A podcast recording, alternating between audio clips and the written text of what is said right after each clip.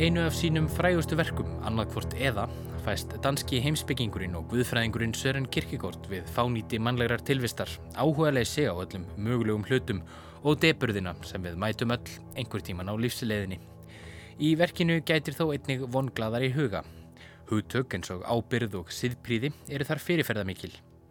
Í fyrsta hluta verksins sem öfnist Diabsalmata lýsir skaldið nokkurs konar stöðnun og yrðarleysi Hann skorti þólinnmæði til þess að lifa.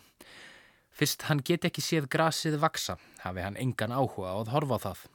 Augu hans mæta leiðindum og ofsaðningu hvert sem þau líta. Hann er sattur en finnur samt fyrir sylti. Lýsingar Kirkegårds sín okkur vafa lítið að maðurinn hefur alltaf átt í stökustu vandraðum í leitsinni að lífsfyllingu. Enguða síður passar lýsingans vel við daglegan veruleika þeirra miljóna manna út um allan heim sem rempast við að njóta sólarlagsins að kveldi dags en gera það ekki vegna þess að þeir eru of uppteknir við að deila myndum af því á samfélagsmiðlum.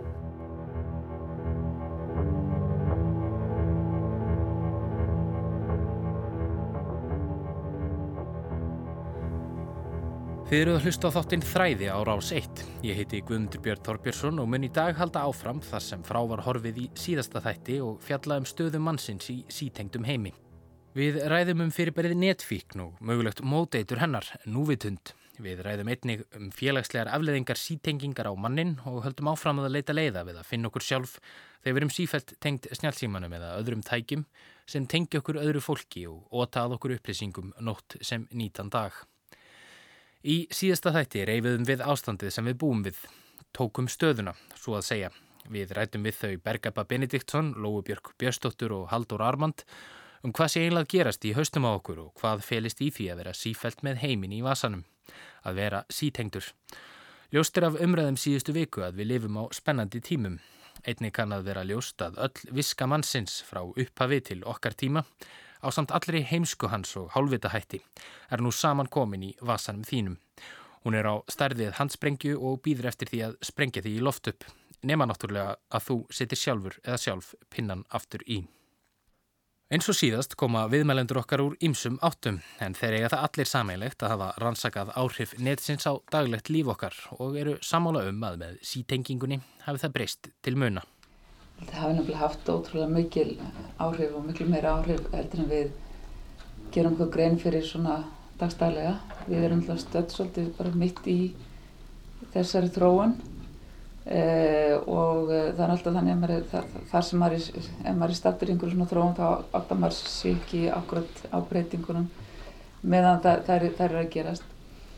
En uh, þetta hefur haft heldur bæði mjög mikil áhrif á til dæmis bara framkvæmt vinnu. Þetta hefur haft mikil áhrif á samspil fjölskyldu og, og, og, og engalífs fjölskyldu og atvinnlífs að segja.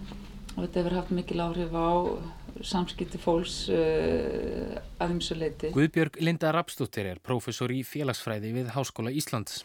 Guðbjörg hefur rannsakað áhrif sítengingar á líf okkar og kennir meðal annars námskeiðið tækni og samfélag, frelsi og fjötrar upplýsingasamfélagsins í skólanum í vetur. Guðbjörg segir það fjarr í lægi að sítengingin auðveldi líf okkar, þótt það sé kannski markmið hennar.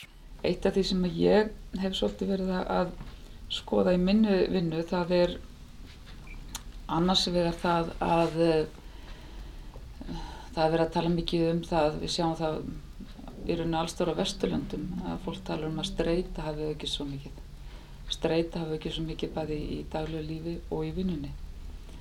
Uh, og uh, ein ástafa þess er oft talin vera upplýsingateknin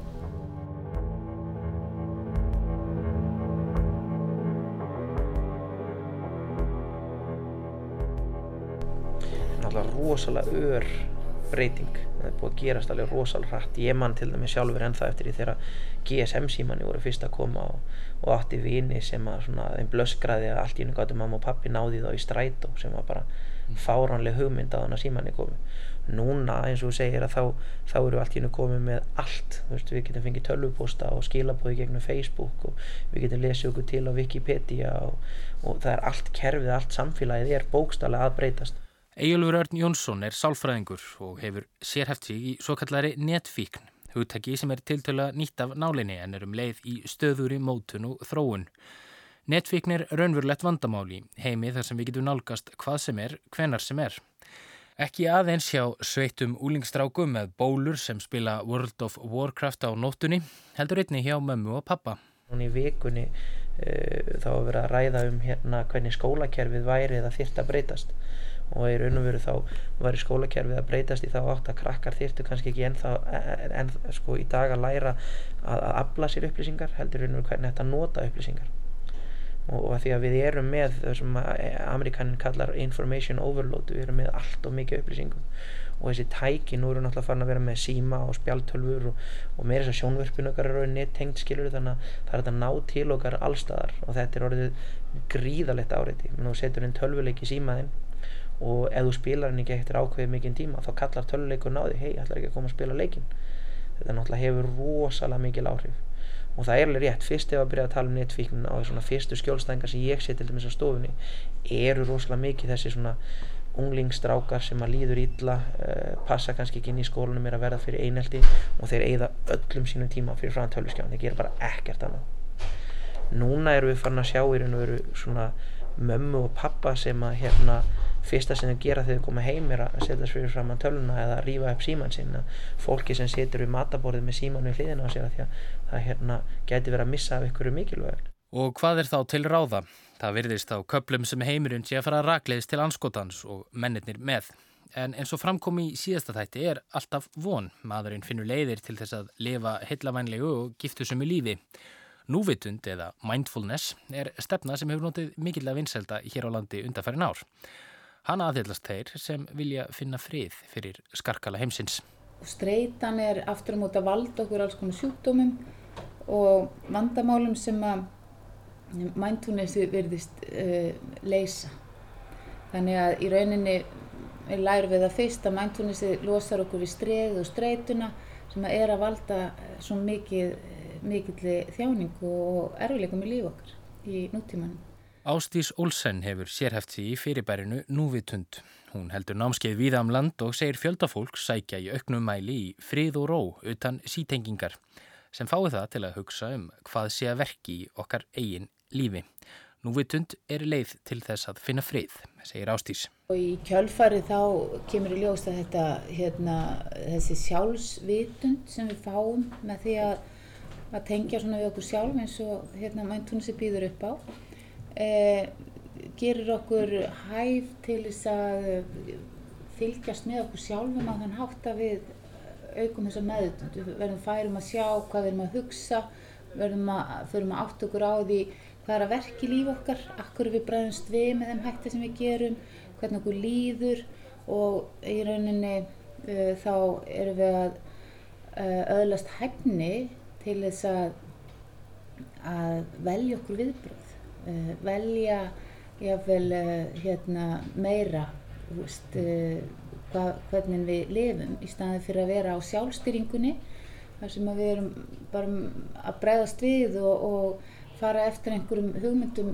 sem er komað utanfrá og, og, hérna, og vera meira meina meðutundalös í lífinu mm. bara hérna, hljóta áfram án meðutundar Þátturinn í dag er þrískiptur en lauslega þó.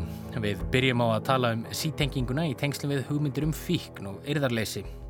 Hvað er það sem fær okkur til að verja jafn miklum tíma og raunber vittni í netsambandi? Því næst tölum við um áhrifin sem þetta hefur á daglegt líf okkar, til að mynda í vinnu og samskiptum við vinni og fjölskyldum. Að lokum reynum við að horfa fram á veginn, ræðum hvað hægt er að gera og hvernig framtíðin blasir við bæði okkur og komandi kynsluðum. Í síðasta þætti kendi Ímissa Grasa. Eitt af því sem bara góma var svo raunarlega staðreindað svo virðist sem tæknitól nútímans geti náð tangarhaldi á okkur. Rétt eins og við getum orðið háð tópaki, alkahóli, klámi eða veðmálum getum við orðið háð netinu. Netfíkn er raunverulegt fyrirbæri þótt ekki séu allir á eitt sáttir um hvernig eigi að skilgrina þetta hugtak. Sko netfíkn er raunverulegt með þessa hugtak sem er dögt í dag almennt séð þá vilja fræðimenn ekki tala um neitt sem heitir netfíkn uh, og það er vegna þess kannski eins og ungar vísindagreinin eins og sálfræðin þá er oft það er að koma ný greiningaviðmið og ný, hérna, nýjar, hvað ég var að kalla raskanir og menn rýfast um að daginn út og daginn inn hvað er að kalla þetta og hvort það sé þetta og tengist einhverju öðru eða ekki og hvort það sé nýtt eða velta þessu fram og tilbaka. Gott og vel, en þetta er allavega raunveruleg ógn sem getur afvegaleitt einstaklingin og gert hann að þræl húsbónda síns. Hvernig lýsir þetta sér?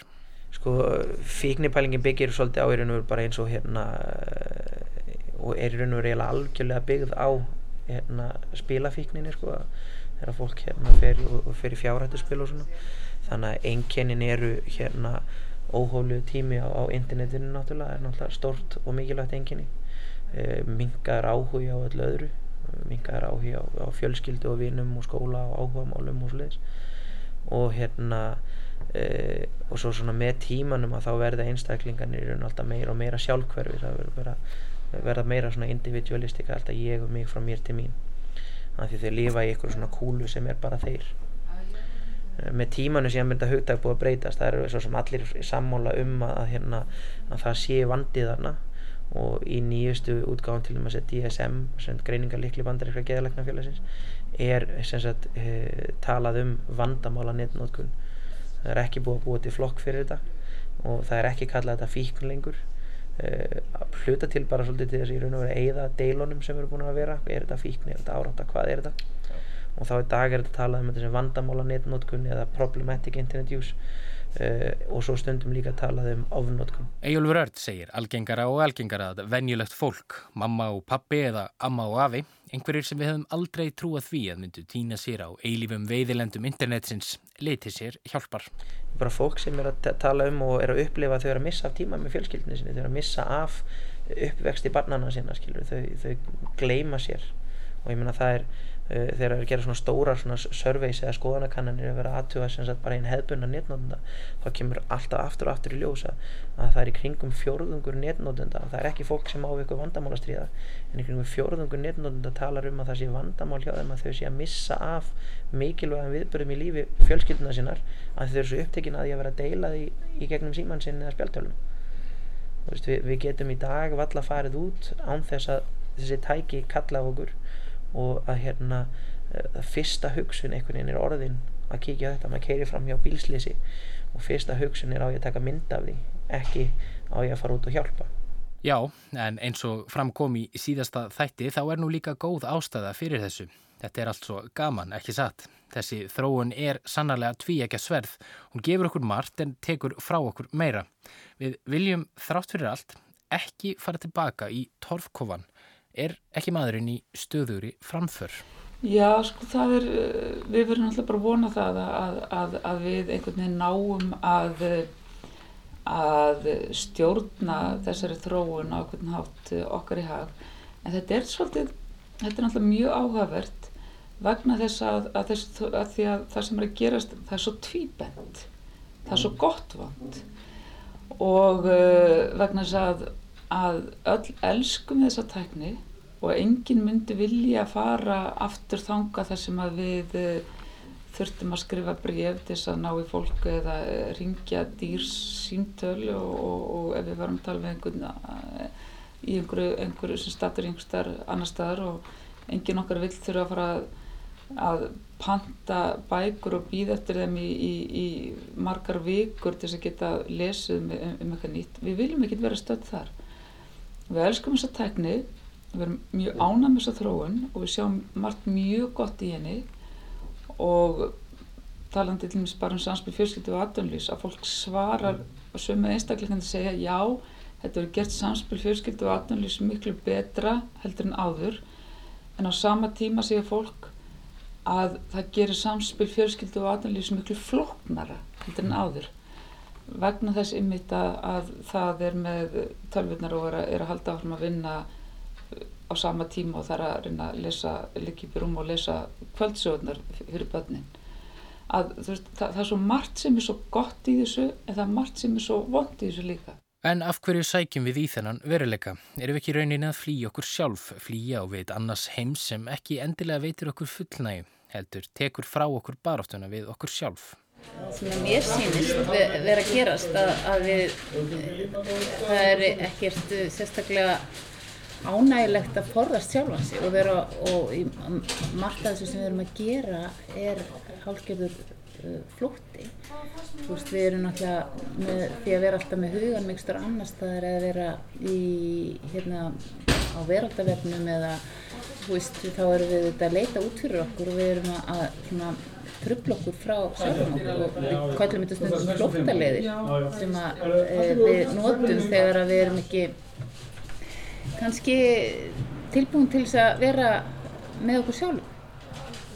Og það er kannski hérna áhugavert að veltaði fyrir sig hvaða er eh, hvað við höfum eh, þú veist mikla tilhengi til þess að forðast það sem við höldum að sé óþægileg en það fyrir ekki neitt þannig að þetta eins og við segir að leita sjálfum sér og, og efla þessa sjálfsvitund er ég, á endanum það sem ég finnst allavega að ég þurfa að gera. Og ég held að þeir sem eh, hérna komist hjá því það komi bara jáfnvel niður að einhver staðar uh, með einhverjum kvíða eða vanlíðan eða veist, einhverju strefi. En maðurinn hefur jú líklega alltaf reynd að flýja sjálfan sig, flýja einmannleikan og leita á vit einhvers annars. Árið 1942 í miðri síðari heimstyröld velti sér að Sigurbjörn Einarsson, síðar biskup, þessu fyrir sér. Gæti hann ekki rétt eins verið að tala við þig, kæri notandi. Alli Freyr Steinþórsson les. En þú, jafnaldri minn, vinur og bróðir. Þú ert skemmtilegur í félagskap ef ég þekki því rétt og ef til vill ekkert sérstaklega vandlátur með félagskap. En ef þú ert einn, ef þú neyðist í þess að vera einn með sjálfum þér, er það ekki fyrst þá sem þú kemst í óþólandi félagskap sem þú flýrð og forðast eins og undir yfir í eitthvert samneiti af einhverju tegund. Og það vil nú svo vel til að það er nægur kostur þess, að minnstakosti fyrir okkur sem erum heilir heilsu, að forðast innveruna og tómleikan. En það er líka alvarleg hlið á þessu máli. Hvar eru henni sjálfstæðu stórbrotnu personleikar? Eru við ekki hröðum vegi með að verða aðeins mismunandi eintök sömu útgáfunar?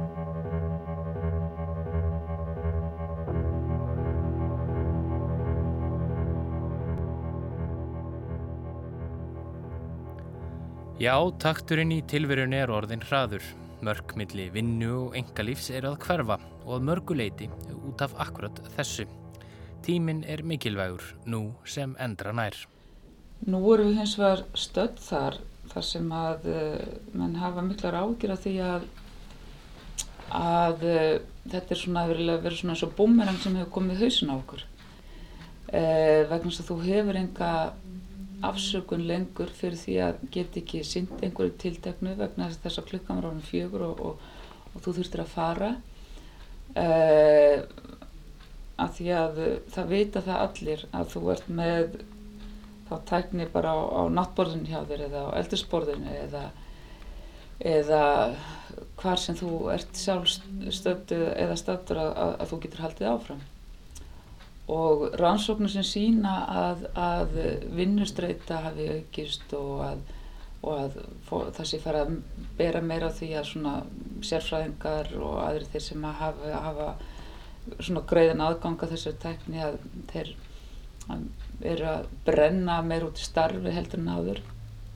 Tengja það svolítið orðið þessu að, að þessi mikli svo kallaði sveigjanleiki í vinnu gerir það orðið að verkum að fólki finnst eins og það ekki bara geti alltaf verið að vinna, heldur þurfi alltaf að vera að vinna eða að, að sinna þessum þáttum. Fleiri taka undir með Guðbjörgu, þar á meðal einn bandaríska Sherry Turkul, professor í félagsfræði við MIT háskóla í Massachusetts í bandaríkunum. Um miðbygg tíunda áratöðurins var Turkul einn þeirra fræðimanna sem voru bjart sínir á framhald og afdrif upplýsingatekninar og internetsins. Í bóksinni Life on the Screen frá árinu 1995 reyfar hún hugmyndir um hvernig maðurinn geti nýtt sér tækni framfærirnar til góðus. En svo kom annað hljóði strokkin og Törkul hefur kúvenst í stefnu sinni. Í bóksinni Alone Together frá árinu 2011 nefnir hún meðal annars að maðurinn eigi erfiðara og erfiðara með að aftengjast netinu þegar hann ætti að gera það. Eins og til dæmis þegar hann kemur úr vinnu. Það sem við heldum að væri tímasbarnaður er í rauninni að taka frá okkur tíman. Það, það er ekki bara þannig semst, að við getum ekki lengur látið að vera að halda áfram að vinna. Heldur er það líka orðið þannig að við getum ekki sleft því að vera í samskiptum við kunningi okkar eða vinnir vegna þess að þeir vita það að við vitum að, að þeir eru að reyna að ná í okkur þannig að við erum uh, verðum svona og, og það kannski svona uh, ger það verkum að, að streytan og sumuliti eikst uh, vegna þess að við getum ekki, höfum ekki þetta þetta rými lengur þar sem við getum bara fengið að vera við, við sjálf. Við erum alltaf höfum það og við getum við getum alltaf slögt á tekninni við getum skil eftir síman heima við getum sleft í að kveika tölunni en, en við gerum það ekki Þetta er lífið okkar. Menna, þetta er algjörlega menna, veist, og, og við erum farin að tengja skringilega tengingar. Ef við ringjum í ykkur og hann svarar ekki þá erum við farin að gera okkur upp ástæður af hverju hann svarar ekki. Þannig að ímynda okkur að að hann sé reyður eða full út í okkur eða þú veist það sé eitthvað að við erum jáfnvel reyð út í eitthvað því hann svarar ekki strax. Að því við gerum ráð fyrir að það er allir með síma alltaf allstaðar og við presentirum okkur allir þessi samfélagsmiðlar. Þar búum við til ákveðið allt er eitthvað og okkur ímynd á okkur og þar söpnum við vinum og fólki og, og við, við, svona, við siktum það út öðruvís heldur en við myndum gera í, í venjulegu lífi skilur. við hefum kannski vin í daglegu lífi sem er með einhverja skoðanir sem okkur hugnast ekki en á internetinu ef hann, ef hann hérna, skrifar of mikið um þennan tiltekna hlut sem hann hefur skoðun á til dæmis kannski innflytjandamálið eitthvað að þá blokkum við hann, lókum á hann, hendum hann út og sleppum við honum en það er svo auðvelt, það er ekkert mála að sikta út og velja og hafna og, mm -hmm. og bara, þú veist, hvað passar við þá ímynd sem við viljum presentera inn á okkar samfélagsmiðli. Og það er stressandi, tíminn líður hratt skeitin koma og fara og þú þart alltaf að vera með puttan á púlsinum. Það er það sem að gera það verkum að takturinn í tilverunni verður svo hraður og það er þar sem að sko umræðan um streytu kemur inn að ef að við finnum það að við þurfum alltaf að, að vera einhvern veginn að taka við öllum þessum uh, bóðum frá öðrum einstaklingum, hvort sem það er vinnur okkar, kunningar, fjölskylda, uh, vinnan, þurfum alltaf að bregðast við því strax að því það er allast til þess og allir vita það hvort sem það er, eru vinnirnir eða, eða vinnufélagar að við getum gert þetta vegna að við erum með uh, tæknina í, í, í vasanum eða, eða, eða náttborðinu sem að, sem að gera okkur kleift að gera það. Uh, að, að þá trappar þetta upp taktin tilfinnur svo mikið að uh, við sjáum það að það er sko farið að halda svona núvitundar námskið fyrir fólk út um, út um allar koppágrundir bara til þess að, að, að kenna fólki eða aðstóða fólk við að taka sér svolítið tilbaka. En fyrir við þá ekki á misvið lífið sjálft og það góða sem gefur því gildi? Varðla var okkur ætlað að vera svona stressuð? Ég get alveg trúa því. Við erum til dæmis verið að sína fram á það að við erum að hugsa miklu hraðar, við erum að, uh, við erum að hugsa kannski 50 til 70 hugsanir á dag veist, og við erum hérna og það er mikil aukning frá því sem áður var og það er bara út af því að við hérna erum að þróast, ég meina og það erum að bregðast við eh, einhverju sem er gerast í, í samfélaginu og, og er bara áreitum sem eru í gangi. Við þurfum að komast yfir rosalega margt við, eða þurfum eða veljum það að lifa mörg hver mjög rætt og við erum hérna leikin við að gera margt í einu og, og erum auðvitað hérna að vinna á mörgum bústum það er algengt að maður standi við eld, eldavílinn og ræði bóttunum og maður er jæfnvel með mömmi símanum og, og, og það er hérna verið að spila tónlist eða hlusta sjónvarp og, og svo er barnið að lesa og það er allt í gangi einu og þú veist það er uh, hérna ótrúlega hvað við getum gert mikið einu en við erum ekki að njóta kannski neins og það er kannski hérna það sem við þurfum átt okkur á að að hérna, við erum að fara á mis við uh, alls konar, uh, hvað ég segja, uh, upplifanir og, og ánægistundir í, á þessum hlaup. En þótt okkur bjóðist meiri lífskeiði í dag, meiri tækifæri, fleiri möguleikar, er ekki þar með sagt að við séum á einhvern nátt hafmyggjusamari. Neyslu samfélagið er gott dæmi um það og það skila sér út í tæknina og við teljum okkur alltaf þurfa það nýjasta og besta. Heimurinn okkar er leitaður af tæknilegri nöyðhyggju, segir Guðbjörg. Við viljum ekki vera tæknileg náttröll. Þá tökum við svona tækninýjungum á mjög svona uh, ógagrinn máta. Við lítum svo að það sem ný tækni hafi förmur sér síðan gott. Uh, það gerða verkum að uh, tæknin hún er farin að stjórna okkur svolítið. Sem er náttúrulega fálilt að segja vegna sem sko að tæknin er dögt fyrirbæri, tækni er ekki tækni á ekki að stjórna okkur sko. Uh, að því það er, auðvitað er það við sko svona rauglega sér þá er það við sem stjórnum tækninni. En einhvað síður þá sjáum við það að, að tæknin hún er einhvern veginn farin að stjórna fyrr hún leiður okkur áfram, hún einhvern veginn setur okkur, okkur mörg eða, eða ekki mörg. Þannig við einhvern veginn sko eigum svolítið erfitt með að, að, díla við það sem sko einstaklingar og, og hópar hvernig við viljum vera í nútímanum eins og fólk segir oft. En samt ekki einhvern veginn sko bara láta tæknina tegja okkur eitthvað, eitthvað, eitthvað, affram. Já, við erum, við erum farin að vennjast þessum, svona, þessum stuttu samskiptum, þessum nýtmið, þú veist, ekki fleiri en 150 táknpælingar, skilur þú veist, líf okkar snýst allt núna um í raun og veru að, að koma hlutunum einhvern veginn snögt og hratt og örugt frá okkur. Bækur krefjast þess í raun og veru að við gefum okkur tíma til að hverfin í einhvern hugarheim og eigða þar talsverðin tíma. Og meðan að interneti það tekur okkur eittur og bingo beint inn í einhvern, einhvern svona annan raunveruleika miklu miklu hraðar. Og það eru, það eru rannsóknir til dæmis í dag sem er að skoða til dæmis bara áhrifin af þessari tölvuvæðingu á í raun og veru minni fólks og hvernig minni hefur í, með árunum breyst það er til dæmis ekki lengur þörf fyrir okkur að muna símanúmer það er eitthvað sem var nöðsilegt fyrir 20 árum síðan en í dag þá, þá erum við með tæki til að sjá um það og það er margir sem er lenda bara í stökustu vandraðum eða vera ramaslösi símanir skilur og bara þá munaður ekki síman hjá, hjá makanum sínu jável Þetta ljómar hræðilega. Hvar hafa dagar lífstíns lit sínum glatað, sagði Jóhann Jónsson. Höfum við mist tökin á tímanum? Við þurfum einhvern veginn að finna þessu, þessu einhver, einhver skynsama leið.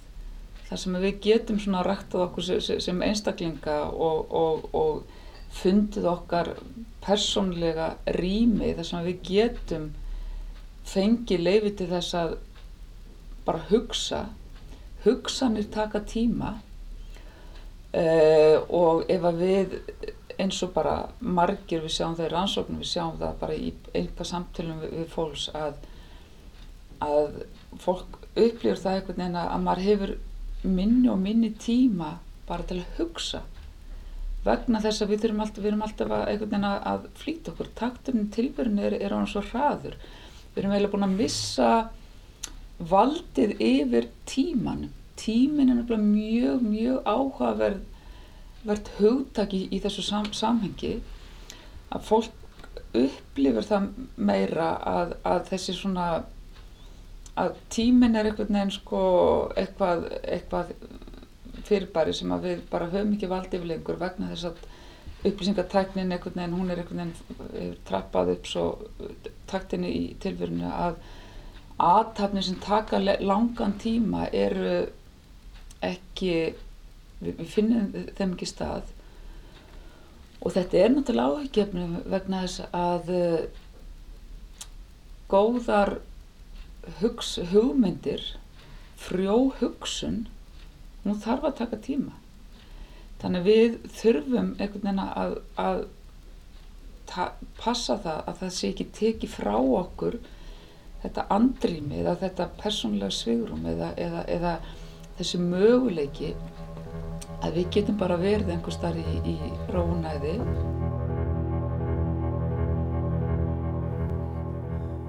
Já, hugsanir taka tíma, segir Guðbjörg og það er gott að hugsa.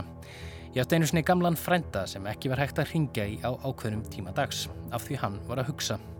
En hann var líka hluti af kynnslóð sem bjó einning við eirðarleysi og glímuna við sjálfan sig.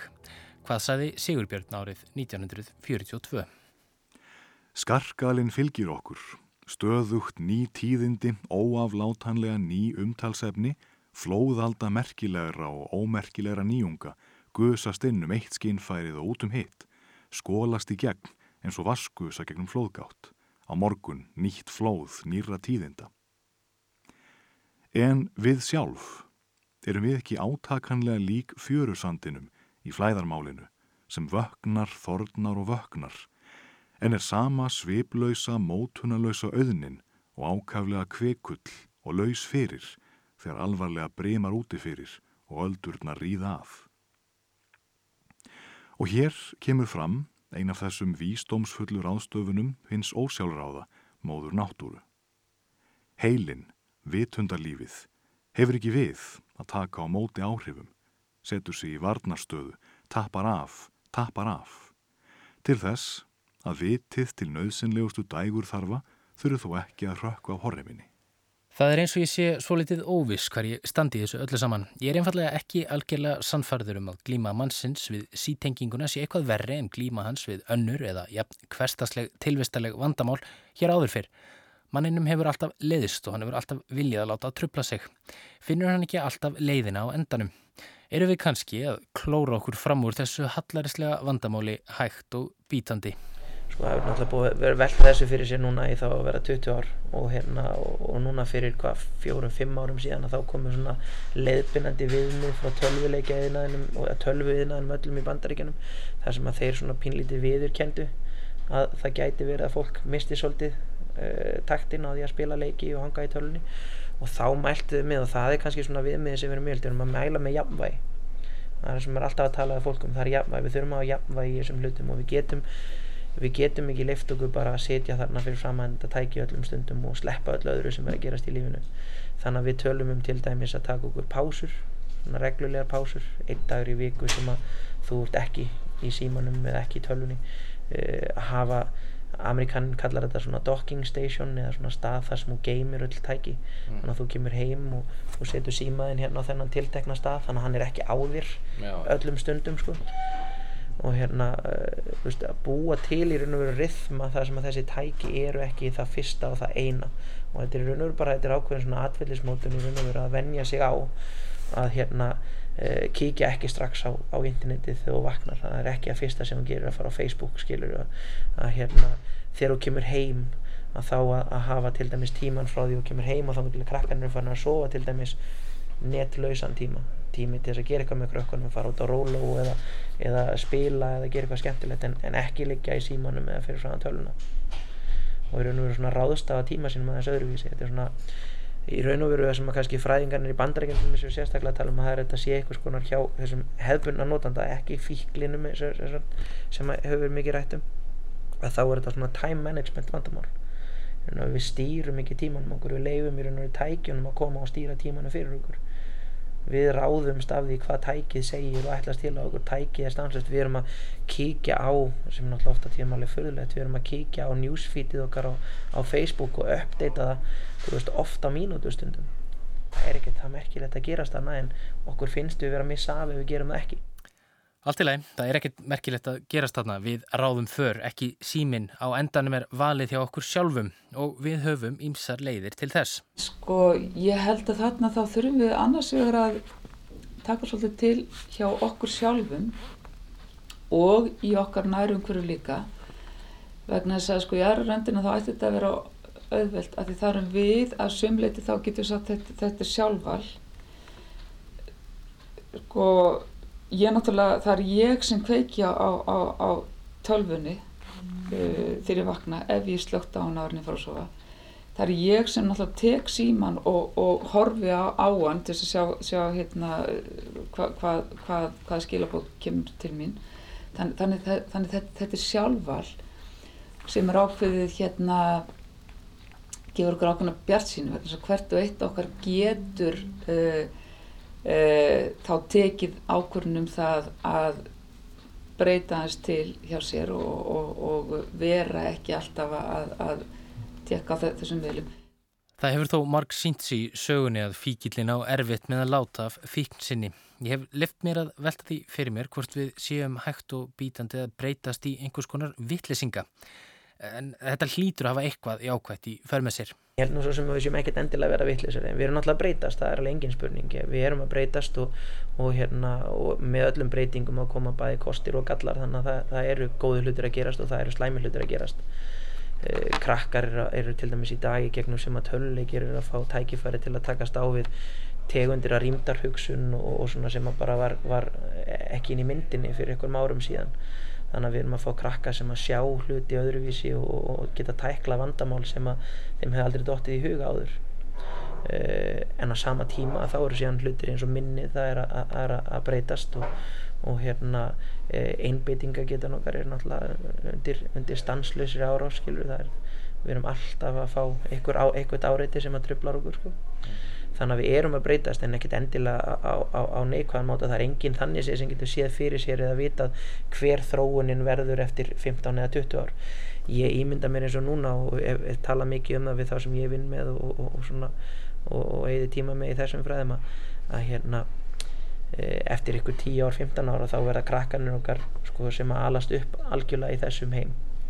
Að þau eftir að vera pínu neiksluð á okkur. Þegar maður er að finna spýtu hvernig dættum í huga að gera þetta svona akkur, akkur gerðu þetta svona en ekki einhvern veginn öðruvísi? Veist, þau koma til með að þekkja og vita og kunna betur inn á þessi tæki og þessi tækni heldur en við nokkuð tíman og, hérna, og það verða ný viðmið og nýjar leiðir til að nota þau heldur en við höfum í dag. Það verður búið að læra hvernig, hvernig þetta virkar og hvernig þetta nýtir þetta fyrir okkur í staðan fyrir að leifa þess að stjórna okkur. Og hvernig finnum maður þá þetta jafnvægi, þetta nýja viðmið og þessar nýju leiðir?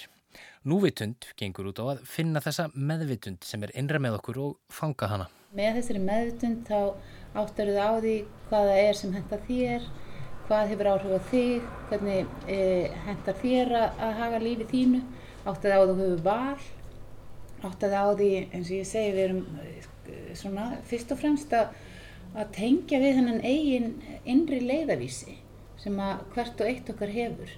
Þannig að innra með okkur er þessi viska um það hvað hrýfur þig og hvað hræðir þig og hvað veldur þig spennu og hvað veldur þig ángist, hvað veldur þig kvíða. Og þessi leiðavísir er hérna bara í líkamannum og við getum fundið hvernig okkur líður og nýtt þessa visku til þess að velja okkur líf.